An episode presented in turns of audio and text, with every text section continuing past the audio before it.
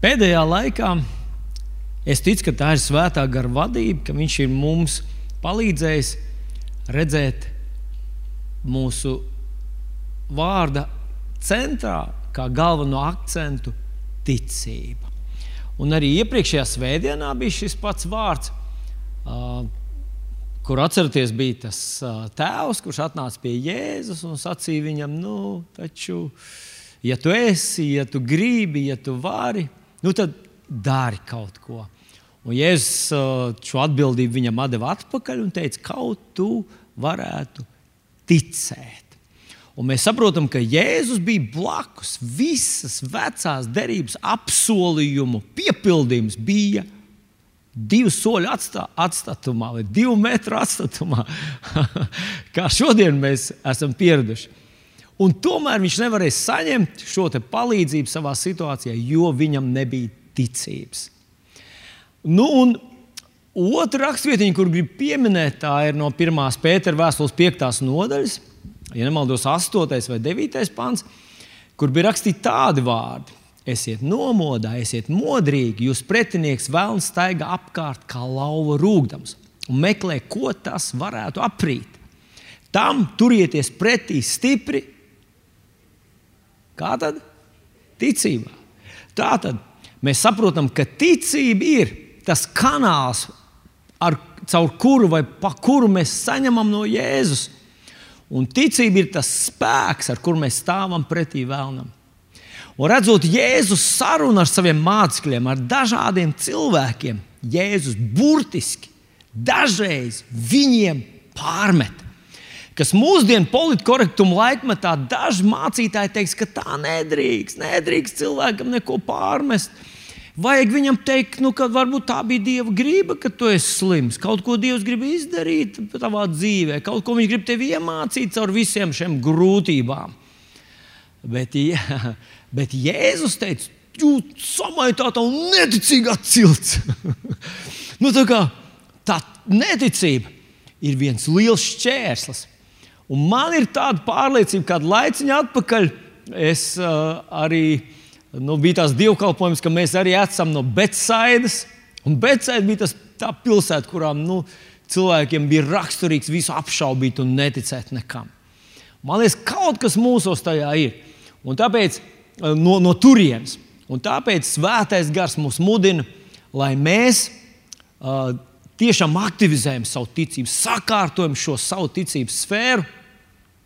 Un man gribētos izvirzīt tādu mērķi, mērķis, paklausies.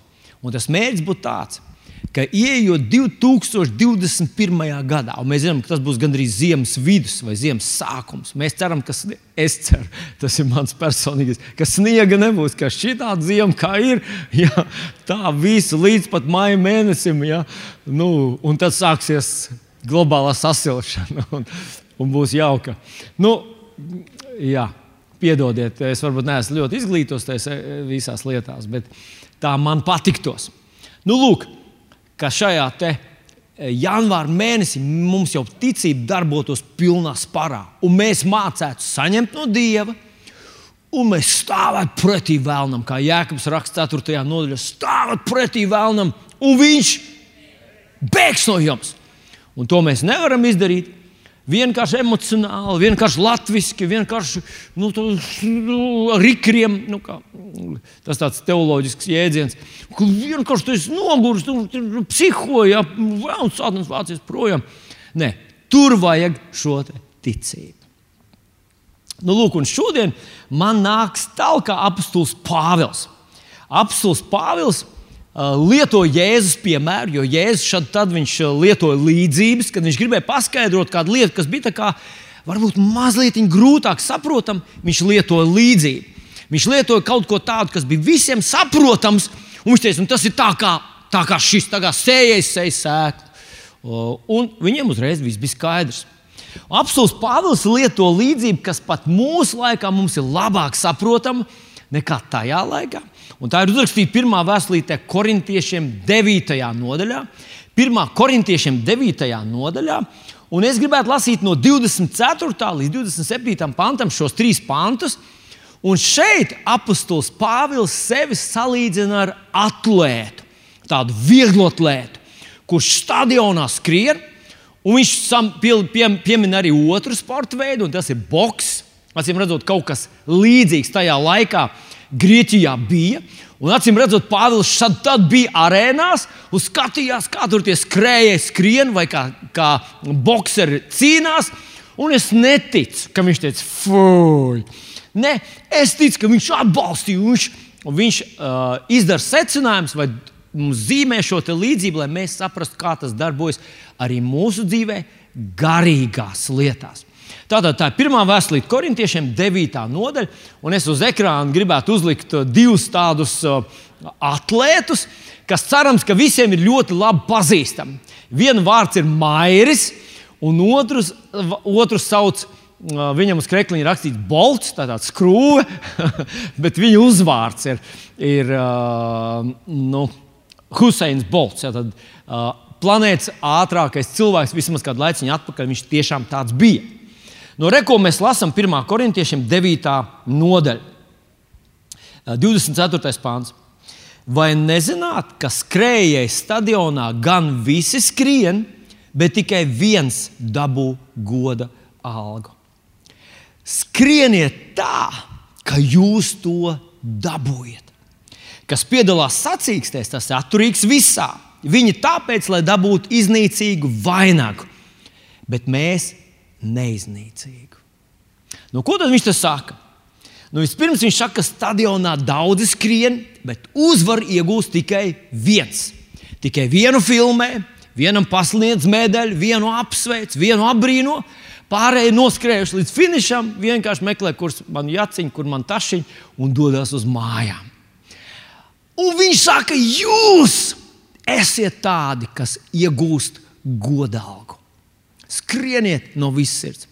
Tālāk viņš saka, paskaties, ka tie, kas dzenās pēc paejoša, uh, paejošas slavas, viņi, lai iegūtu iznīcīgu godalgu, cik ļoti viņi nododas.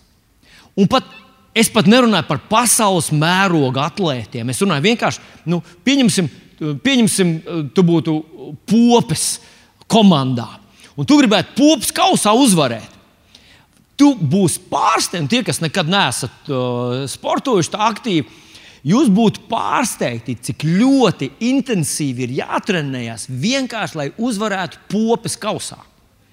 Vai, vai, vai, vai ugāls čempions, lai tu būtu. Ir tiešām jāpieliekas, cik daudz vairāk pieliekās un nododas un riskē un upurē savu veselību, un upurē savu komfortu, savu brīvo laiku, pārkāpj sev pāri tie cilvēki, kas ir pasaules līmeņa uh, sportisti.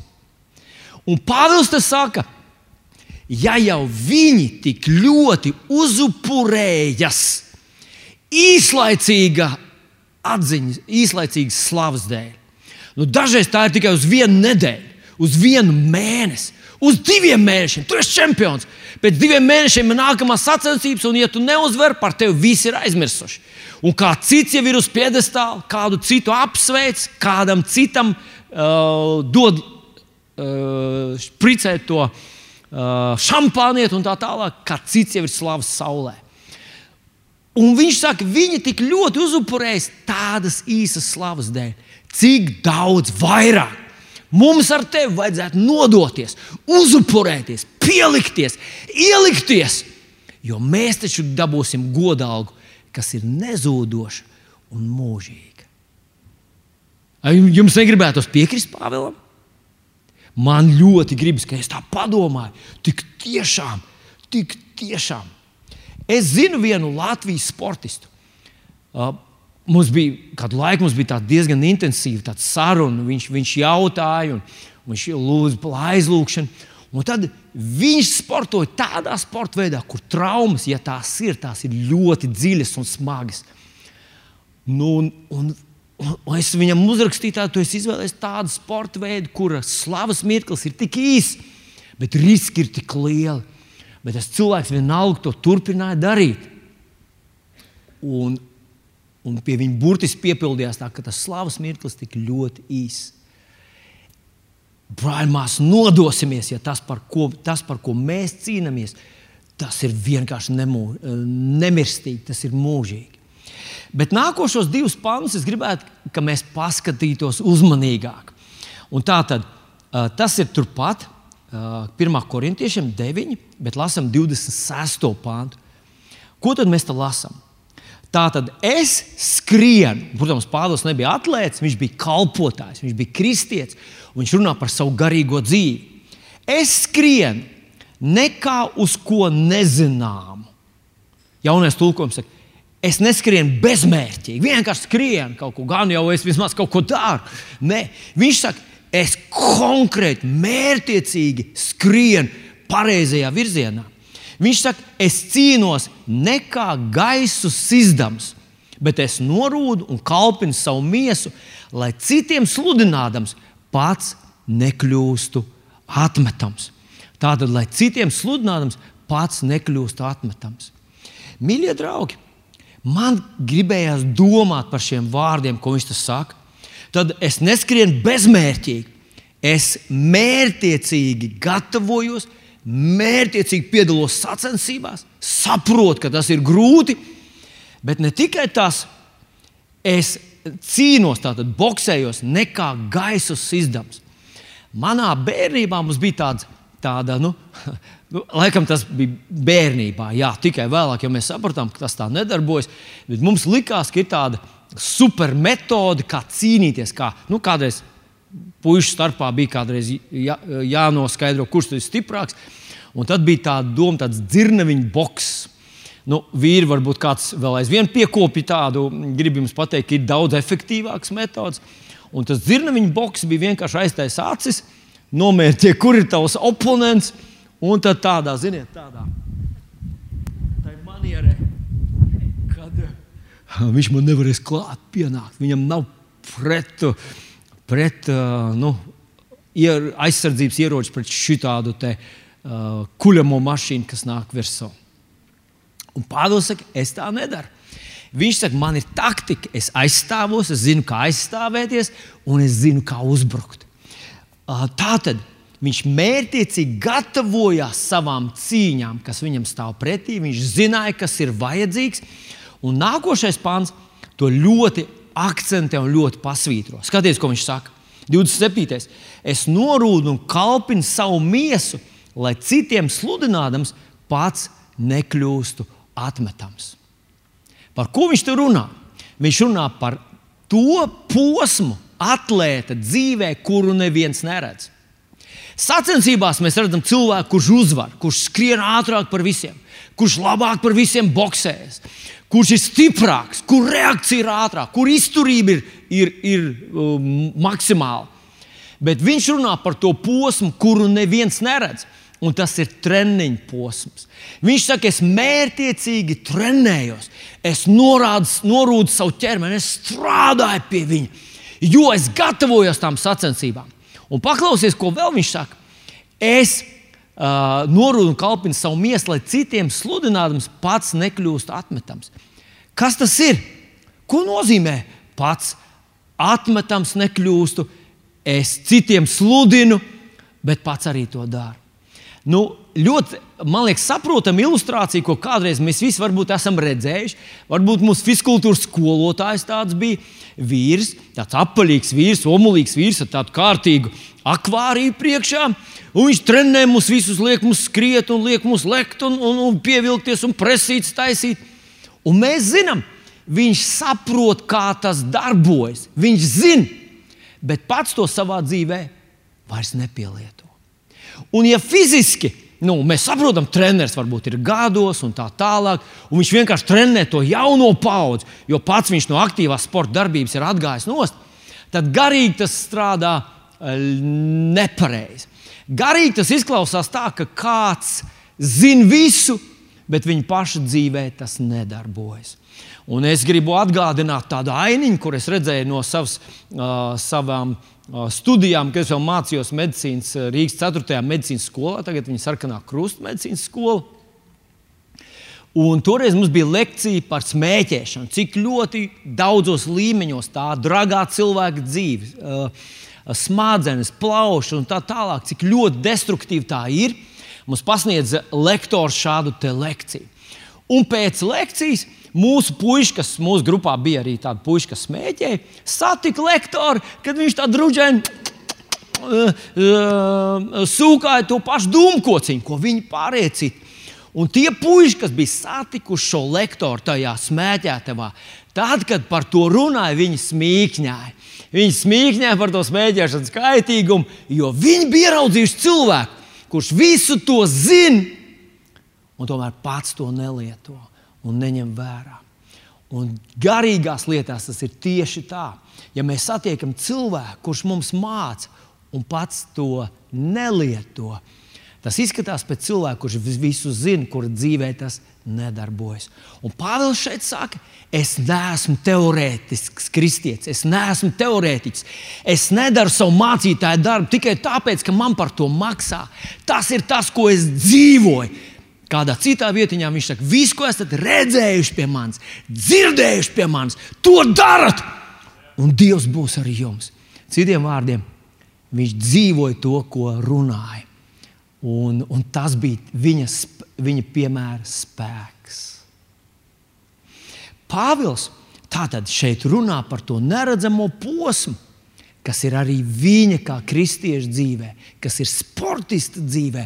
Viņš ļoti akcentē, ka tas ir tas neredzamais posms, ir tas, kas nodrošina uzvaru un sajūsmu un panākumus redzamajā dzīvēm.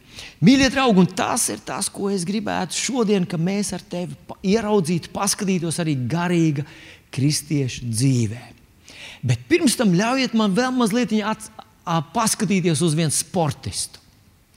Nu, varbūt, ja mēs vienkārši skatāmies no malas sportistiem, mēs to nepamanīsim.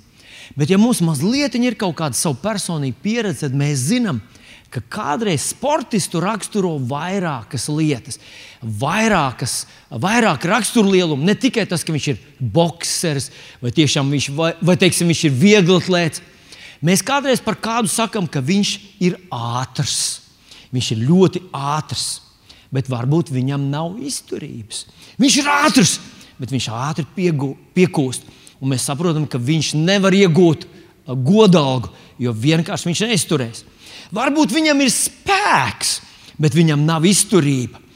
Un tas ir svarīgi, lai mēs, lai katram sportistam būtu visas nepieciešamās rakstura lieluma, lai viņš būtu ātrs, lai viņš būtu izturīgs, lai viņam būtu ātra reakcija, lai viņam būtu spēks, lai viņš būtu psiholoģiski noturīgs. Un gan jau, ka ir vēl kaut kādas lietas, kas ir vajadzīgas sportistam, lai viņš būtu veiksmīgs kā sportists.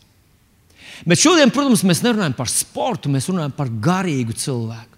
Un vai varētu būt tā, ka arī vienu garīgu cilvēku, vienu ticīgu cilvēku raksturo vairāk nekā tikai viens vārds, viens raksturlielums, kā mēs kādreiz domājam, ka ticīgais ir ticīgais. Ar to viss ir pateikts.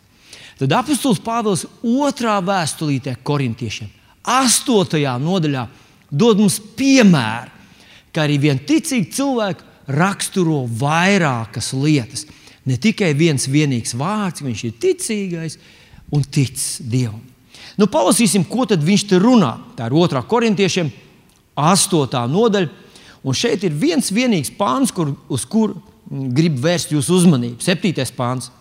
Viņš saka tātad korintiešiem. Bet tā kā jūs esat uh, sekmēm bagāti visās lietās. Tālāk viņš liek kolu un viņš uzskaita šīs dažādas sfēras. Un pirms es izlasu, man gribētos, lai tu neaizmirsti to, ko mēs tikko runājam. Tāpat viņš varētu runāt par kādu sportistu. Kāds treneris teiktu savam audzēknim tā: Tu esi ātrs, tu esi uh, stabils, tu uh, psiholoģiski esi noturīgs, tev pietrūks tikai, pieņemsim, izturība. Un skatāmies, ko viņš runā par korintiešiem. Kas jums ir? Jūs esat sekmēm bagāti ticībā, vārdā, atziņā, visādos centienos un savā mīlestībā uz mums. Tad esiet bagāti arī šī labdarības lietā. Viņš šeit nerunā par desmitā došanu, jo mēs ticam, ka desmitais tā ir sākuma uh, stadija, tie pirmie soļi ticības dzīvē. Viņš runā par labdarību, darīt labu kādiem. Viņš saka, jums tik daudz visa, kā ir pareizi, un es jūs uzmundrinu arī neatpalikt arī šajā jomā, kas arī ir svarīgi. Bet tagad mazliet paskatīsimies, no ko tad, ko tad atšifrēsim tos mazos mm, apzīmējumus, šos mazos vārdus. Nu, ticība par ticību mēs runājam, un mēs vēl mazliet runāsim par ticību. Tad ticība ir ticība. Un, ja mēs runājam par sportistu, es teiktu, ka ticība ir spēks. Ticību mēs visdrīzāk, varbūt neviens pret vienu, bet mēs varētu asociēt ar vienu boxeru, kuram ir spēks. Ar to nepietiek vien, bet, bet tas ir ļoti svarīgs. Tā tad ticībā, vārdā. Nu, kas ir vārdā? Kādā vienā no tulkojumiem es atradu, ka šai vietiņā rakstīts vārds daļrunībā. Es gribētu apgalvot, ka viņš runā par prasmi mācīt, prasmi nodot Dievu vārdu patiesību. Un uz mirklīt iedomājieties, ka nav tās nākošās lietas, atziņas. Kas ir atziņa? Atziņa ir izpratne, kā kas darbojas, kā būtu jārīkojas, kas būtu darāms, kāda būtu pareizā uh, stratēģija tagad, šajā situācijā. Tā būtu atziņa. Bet tā tad viņš runā par ticību, un viņš runā par atziņu. Redziet, kādā vietā apelsīns Pāvils saka, varbūt es neesmu prasmīgākais sludinātājs, bet atziņā es esmu ļoti dziļi. Un ir ļoti ideāli, ja šīs lietas ir kopā, ka kādam ir atziņa, un viņš māca prasmīgi to nodot. Bet ir bēda, ja kāds ir ļoti daļrunīgs, bet viņam vispār nav atziņas. Un uh, kristietības vai draudzes vēsture ir atstājusi tādas priekšzīmes. Ir bijis piemēram tāds Jānis Zelta mute. Un tas bija viduslaika viens no liekas, spilgtākiem sludinātājiem. Bet ir sfēras, kurās viņam vispār nebija saprāšanas un nebija atziņas. Viņš ir atstājis spilgtus prediķus, kas iedvesmoja cilvēkus darīt briesmu darbus. Tikai tāpēc, ka šim cilvēkam bija prasme to pasludināt, bet nebija atziņas. Tās lietas ir ļoti svarīgas. Tātad, varbūt kādam ir kāda dāvana, varbūt viņam ir kāda izmaiņa, bet nav atziņa. Viņš var sadarīt diezgan daudz vis visādus um, briesmu lietas, kā jau mans pieminētais Jānis Zelta mute vai Hristoms. Tātad Atziņa ir svarīga, izpratne. Visādos centienos, visādi centieni, kāda cita tulkojums nosauc to par dedzību. Tātad tie nav cilvēki, kas tā vienkārši saprot visu, viņiem ir ticība, un viņi tā no tribīnas noraugās uz visu to, ko citi dara. Varbūt pat mazliet ar tādu kritisku skatu. Viņi, šie korintieši, bija cilvēki, kas iesaistījās. Vajag palīdzēt šeit, viņi iesaistās. Vajag palīdzēt tur, viņi iesaistījās. Un varbūt kāds iesaistās tikai tad, kad pēkšņi viņu uzrunā Dievs un saka, tev palicis viens gads tavā dzīvē. Ja tu gribi kaut ko paņemt līdzi, tad sarauj tagad. Un tad viņš atmostās un saka, ups, man ir kaut kas jādara. Man ir tā sava ticība jārealizē manā dzīvē, lai man būtu ko paņemt līdzi. Tad korintieši bija dedzīgi, viņi iesaistījās. Un tad viņš saka, arī jūs esat sekmēm bagāti arī mīlestībā. Un beigās viņš piemin to ziedošanas lietu. Ko es ar to gribu teikt, un es ticu, ka apelsīns Pāvils mums cenšas pateikt, ka tevi un mani kā kristieti var raksturot vairākas lietas. Kāds nu, desmit punktu skalā, cik liela ir tava ticība? Cik liela ir tava prasme? tava sludināšana, tava liecība, vai tu kaut ko vari darīt, lai to uzlabotu? Protams. Cik liela ir tava atziņa, cik ļoti tu saproti, kas notiek, kā vispār darbojas Dieva vārds, kā darbojas Dieva mūžīgie likumi. Cik desmit punktu skalā tu saproti tās lietas. Un zini ko? Tā nav, uh, tas nav kauns atzīties, ka es tomēr nesaprotu lietas ka es brīžiem haotiski kaut ko paķeru no kaut kurienes un neizprotu visu tās likuma sakarības, kas Dievam ir. Ir kauns izlikties, ka tu zini, vienkārši laist pa, nu, nezinu, pa grāviem, vai, vai vienkārši kā tev tajā mirklī ienāk prātā, vai kā tev ir sajūta, dragā kā sanāk. Cik liela ir tava mīlestība uz brāļiem un māsām, cik liela ir tava sadraudzība un tā tālāk. Tā tad tevi kā kristieti varētu raksturot ar vairākiem vārdiem. Un tas būtu ļoti interesanti, ja tu sastādītu savu raksturojumu, ja tu būtu garīgs atlētājs. Cik stiprs tu esi, cik izturīgs tu esi. Izturība, Jēkabs, pirmajā nodaļā, otru, ar otro pantu viņš saka, cik svarīgi ir, ka jums būtu izturība. Cik tu esi noturīgs pret sānu vējiem, pret spiedienu, pret to, ka nedarbojas tā, kā tev liekas, ka tu neredzi ar savām acīm rezultātu vai tu vari palikt, izturēt savā vietā, iet vēl aizvien pareizi, ja tu neredzi. Tās ir lietas, kas mūs raksturo. Un ar to es gribu teikt,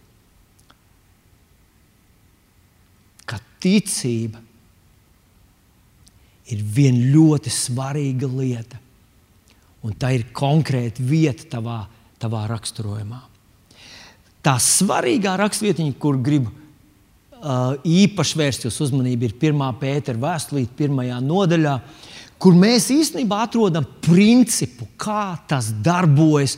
Es to varētu nosaukt par tādu ticības mehāniku, kā tā darbojas, kā manā dzīvē atnāk brīnumainās, brīnišķīgās lietas no Dieva. Vai ir iespējams ar to, ka es esmu tāds veikls runātājs? Vai ir iespējams ar to pietiek? Vai ir iespējams ar to, ka es mīlu brāļus, vai ar to pietiek? Vai iespējams ar to, ka es iesaistos lietās, vai ar to pietiek? Vai varbūt man trīs manas īpašības man ir labas, man raksturojumi ir labi, vai es varu izdzīvot bez ticības? Vai es saņemšu no Dieva to, ko man šobrīd tik ļoti vajag, ja es nelietoju savu ticību? Nu, tā tad Ko tad mēs lasām? Pievēršam uzmanību 1. pētera vēstulē, 1. nodaļai, 23. pāns. Jūs, kas esat atzimuši ne no iznīcīgas sēklas, bet neiznīcīgas, no dzīvā un paliekamā dieva vārda. Nu, vispirms sāksim ar sākumu. Viņš saka, jūs, kas esat atzimuši. Par ko viņš tur runā? Ja mēs palasītu angļu bībelītē, mēs atrastu vārdus born again. Tātad piedzimuši vēlreiz. Kā kristieši, kas lasa Bībeli un kas kaut ko mazliet no tās saprot, mēs zinām, viņš runā par glābšanu. Bet ievērot, ka apelsīns Pēters šeit būtu varējis teikt, jūs, kas esat izglābti, jūs, kas esat brīnumaini radīti, jūs, kas esat mm, tapuši par Dieva bērniem, jūs, kas esat nu, tagad svēti darīt. Bet viņš tā nedara. Viņš lieto atkal līdzība, kas mums visiem ir ļoti labi pazīstama. Viņš runā par piedzimšanu un par piedzimšanu no jauna. Skatieties, viņš saka, ka mēs esam piedzimuši jau, no jauna, ne no iznīcīgas sēklas.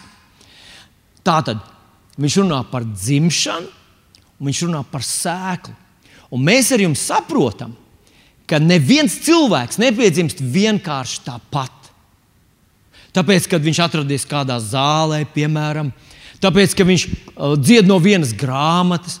Katra reize, kad cilvēks piedzimst, ir bijusi sēkla, tā ir iedēstīta pareizajā vietā, un tad ir deviņus mēnešus, kā mēs zinām, pēc dieva iestādītā likuma, deviņi mēneši, kad notiek neredzams, nevienam nu, nekontrolējams process, Bet šis deviņu mēnešu neredzamais process nodrošina to, lai pēc tam tas redzamais auglis, redzamās sekas būtu brīnumainas, patīkamas un brīnišķīgas. Ja nav šī neredzamā darba, atcerieties, apelsīns Pāvils runāja par trenēšanās procesu. Tas ir tas process, kur neviens neredz, kurš nevienam neliekas pievilcīgs, ka tu strādā ar sevi, strādā sevi, lai pēc tam tajā redzamajā tu būtu veiksmīgs. Pāvils runāja par garīgām lietām. Un šeit viņš atkal to pašu dara. Viņš runā par garīgām, bet apelsīns Pēters mums runā, uh, zīmējot līdzību par cilvēku dzimšanu. nolika, notika neredzams darbs, neredzams process, lai redzamais process kļūtu brīnumains un brīnišķīgs. Viņš saka, jūs esat izglābti. Kāpēc? Tieši tāpat kā jūs piedzimāt, ka jūs saņēmāt Dieva vārdu sēklu. Un ievērojami viņš te Dieva vārdu sēklu apzīmē kā tādu, kas ir neiznīcīgs. Tātad Dieva vārds nebojājas. Tas nepazaudē derīguma termiņš. Viņš nekļūst neefektīvs, viņš nenoveco, viņš nepaliek nu, kaut kāds tāds um, nederīgs. Dieva vārds cauri gadu tūkstošiem ir tas pats. Tas ir paliekošs, neiznīcīgs, mūžīgs. Mēs zinām, Dieva vārds vēl aizvien ir gatavs izdarīt to savu brīnumainu, atnest brīnumaino rezultātu. Šis brīnumainais Dieva vārds iekrita tavā sirdī, un tu to nesāji. Tu to nesāji, notika kāds neredzams darbs. Un man gribētos teikt, ka bieži vien ir tieši otrādi. Kad mēs kādu redzam, viņš vakar dzirdēja, šodien viņš jau ir šeit, viņš jau pieņēmis jēzu. Bieži vien notiek pilnīgi pretēji. Tie, kas momentāli atbild, momentāli pieņem, viņu darbs izrādās, tas dieva darbs izrādās nav nemaz tik dziļš un noturīgs, un pēc kāda laika viņi aiziet prom. Bet tie cilvēki, kur dzirdi, sirdīs iekrīt Dieva vārds, viņi to nesā, viņi to domā, viņi to atkal un atkal pie tā atgriežas. Un es jums teikšu, ka es kā tāds pieredzējis kristietis, uzaugusi kristiešu ģimenē, Es no bērnības dzirdu evanģēliju, no bērnības es dzirdu Bībeles stāstus, esmu dzirdējis mācītājus, tūkstošiem sprediķus. Manā dzīvē tas tieši tā ir darbojies, ka es sadzirdēju kaut ko, tas iekrita manā sirdī, un tas uzrunāja mani. Es sapratu, ka tas kaut ko no manis prasa, kaut ko manī dara. Un es novērsu no tā savu skatu un aizņēmos, bija aizņemts ar kaut kādām citām lietām, bet kaut kad es atkal pie tā atgriezos, atkal pie tā atgriezos, atkal pie tā atgriezos, līdz es biju nonācis tādā stadijā, es vairs nevarēju savādāk. Un es sapratu, ka man ir jārīkojas, man ir kaut kas jādara. Un tas neredzamais darbs, kas no, norisinājās manī, kaut arī glābtā un ticīgā cilvēkā, tas pēkšņi rezultējās kaut kādās ārējās pārmaiņās, kaut kādos lēmumos, kurus tu tiešām bija nobrieduši. Kad tu saki, nē, tā vairs nevar, nē, es vairs negribu tā kā līdz šim, es gribu mainīties, es gribu atsaukties. Un, un tieši tas ir tas, ko šis pāns mums saka. Kā tas darbojas tavā dzīvēm? Tas darbojas tavā dzīvē tā, ka iekrīt sēkla tavā sirdī, un tad tu to nesā. Tu to nesā savā sirdī, noris neredzams darbs. Nevienam no malas nepamanāms. Neviens nespēja nolasīt to. Neviens nespēja ieskatīties tavā sirdī, izņemot svēto garu, protams. Bet, ja tas slepenais darbs, ko svētais gars caur Dievu vārdu ir iesācis tavā sirdī, tad tad tas vienā dienā rezultēsies redzamās pārmaiņās.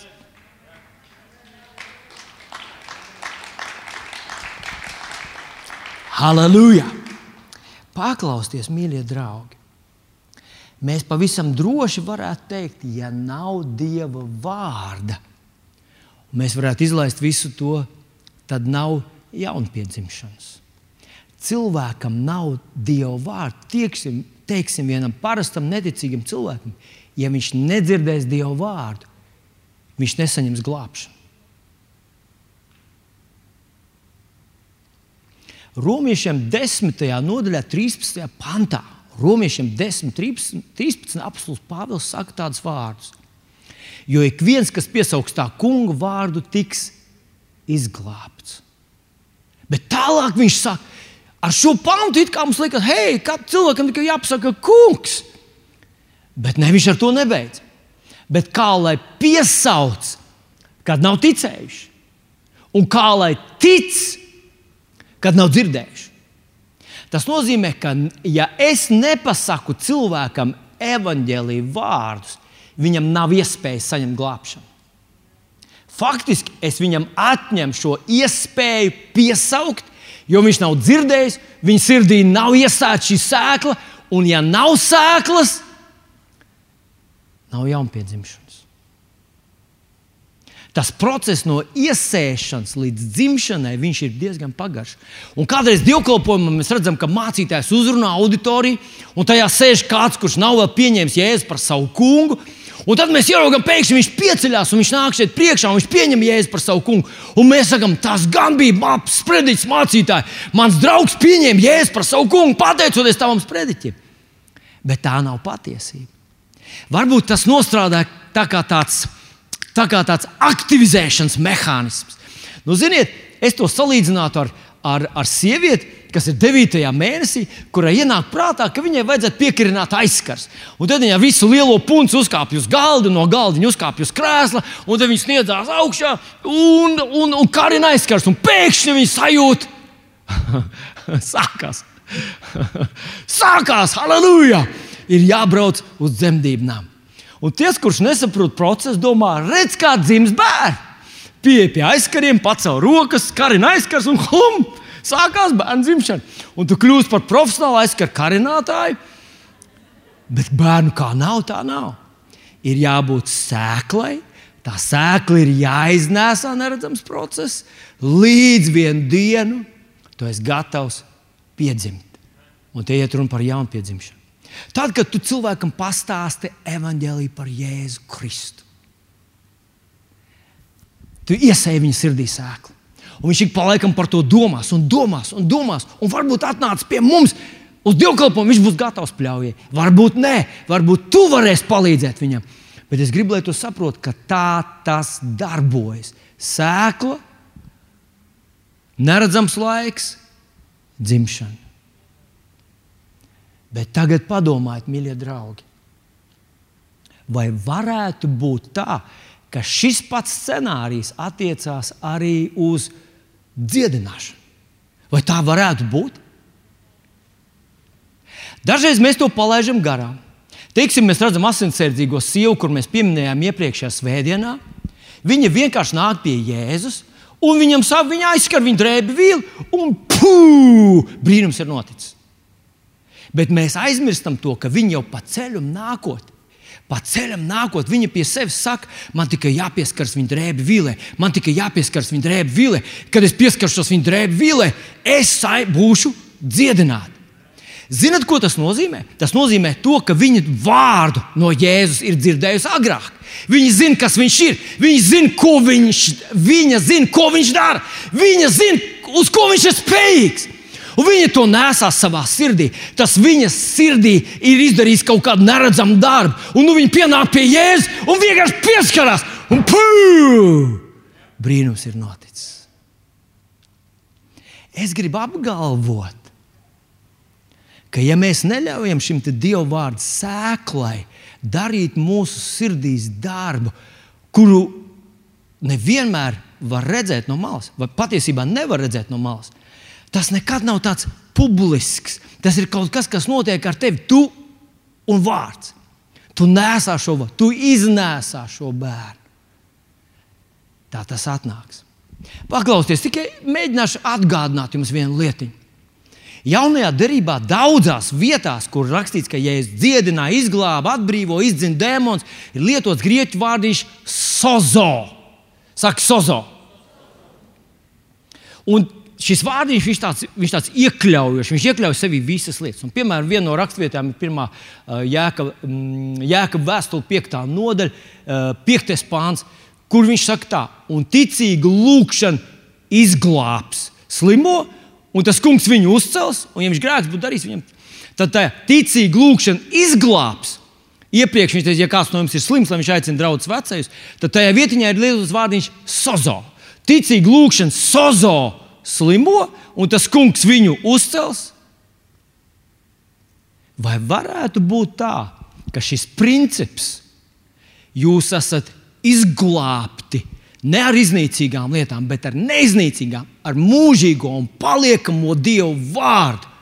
Tas iekrita jūsu dvēselēs, jūs to nesājāt, jūs par to domājāt. Un ja mēs uzmanīgi paskatāmies Bībelē, pirmajā psalmā, Marka 4. nodaļā, mēs redzam, ka tur ir tā, tas noslēpums parādīts, ka šis Dieva vārds sēkla tavā sirdī aug tad, kad tu par to domā. Tikko tu novērsi savus domas no uz kādām citām lietām, sāc domāt par dzīvi, par, par, par pensiju, par covid, par masku, par visām tādām ķēnišķām, šausmīgām lietām. Dievvvārds neaug. Tikko tu pievērsi tam savu uzmanību, tikko tu par to domā, tas aug. Un tam ir milzīgs potenciāls. Skaties, mums te ir, ir te tāds liels koks. Bet kā mēs arī viņu nelaistītu, viņš nekad neizaugs lielāks Varbūt tikai daži no jums zina noslēpumu, kāpēc. Bet varbūt man būtu šeit mazā, mazā tāda ķocītī, maza ozola zīlīte, kur izlaidām mazu asniņu ārā.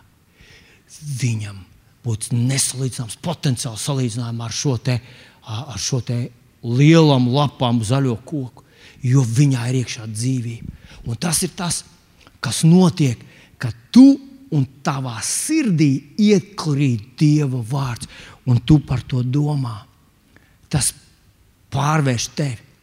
Tas izmaina tevi, tas uzaug tevī, tas rada tevi par citu cilvēku. Vispār izmaina tavu skatu par pasauli, tas izmaina tavus vārdus. Tavu vārdu runā ar to, kas ir sirdī. Cilvēku mutu runā no tā, kas ir viņa sirdī. No sirds pilnības cilvēku mutu runā.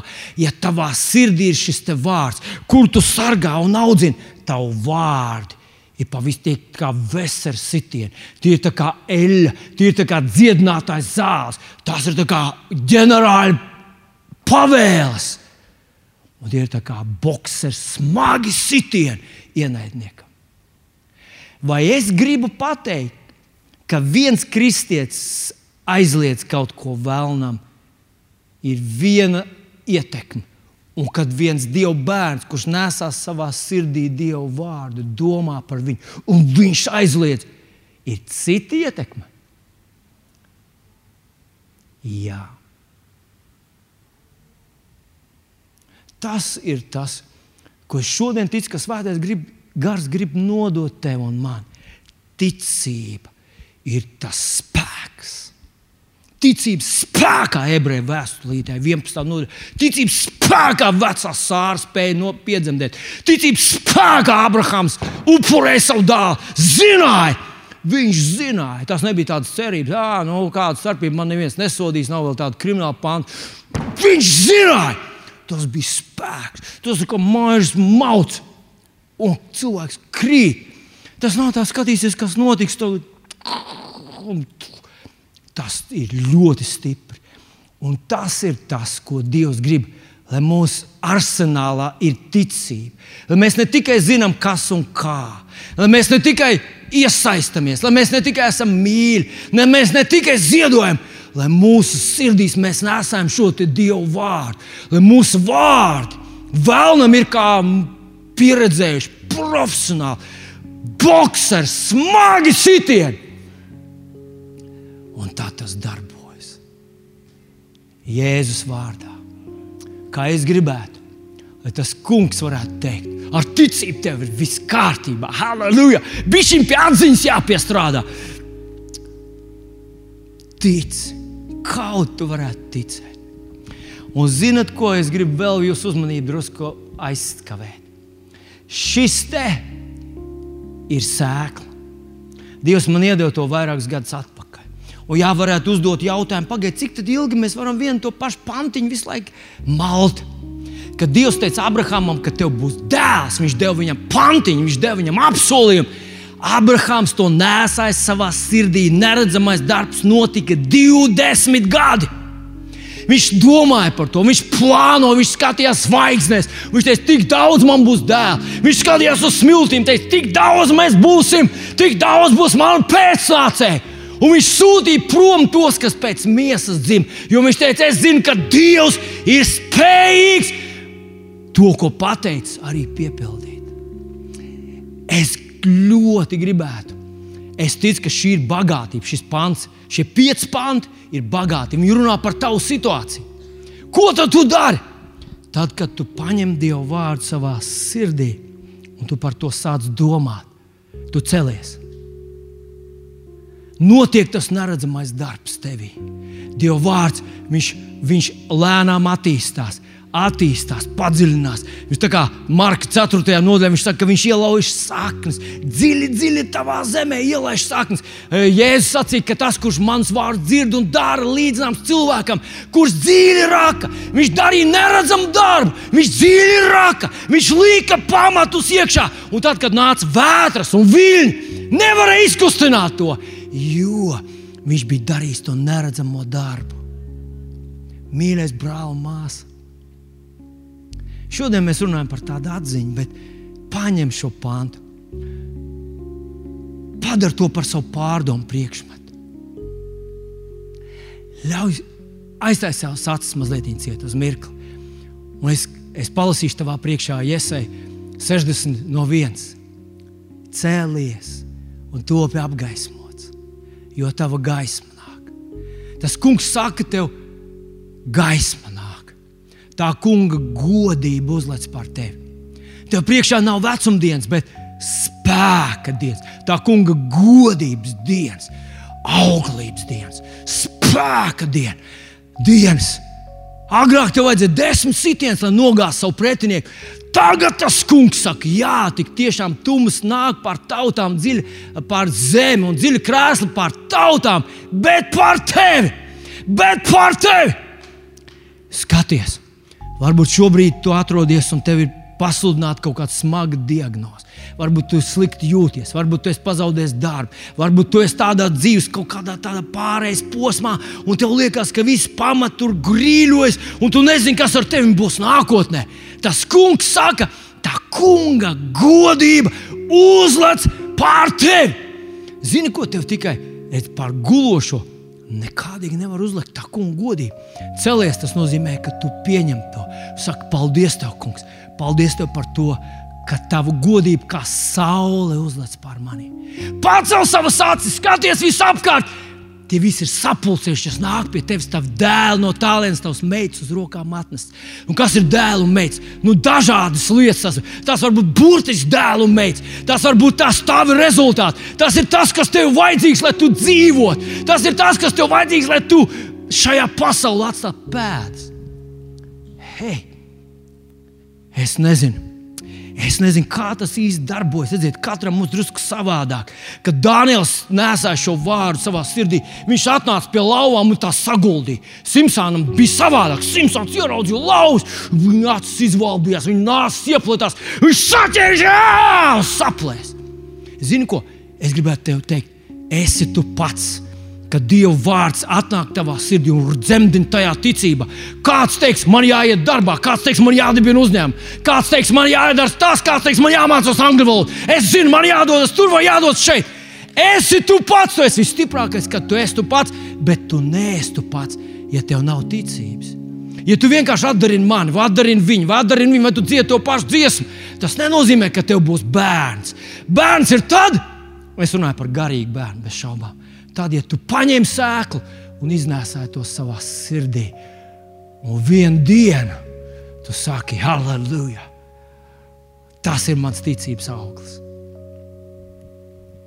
Pacel savus acis, skaties visapkārt, viss ir sapulcējušies, nāk pie tevis.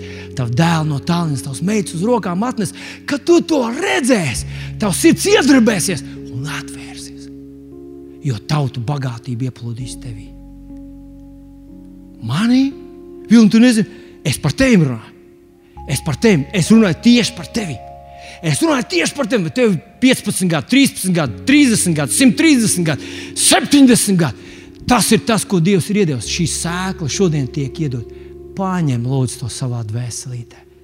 Ļauj, lai tas atnes to brīnumu, ko Dievs grib, lai, tā, lai tev ir. Lūdzu, tie, kas jūs esat tiešraidē pievienojušies, mīļie, mīļie brāļi un māsas. Jūs neesat vienkārši tāds starp citu skatītāju no malas.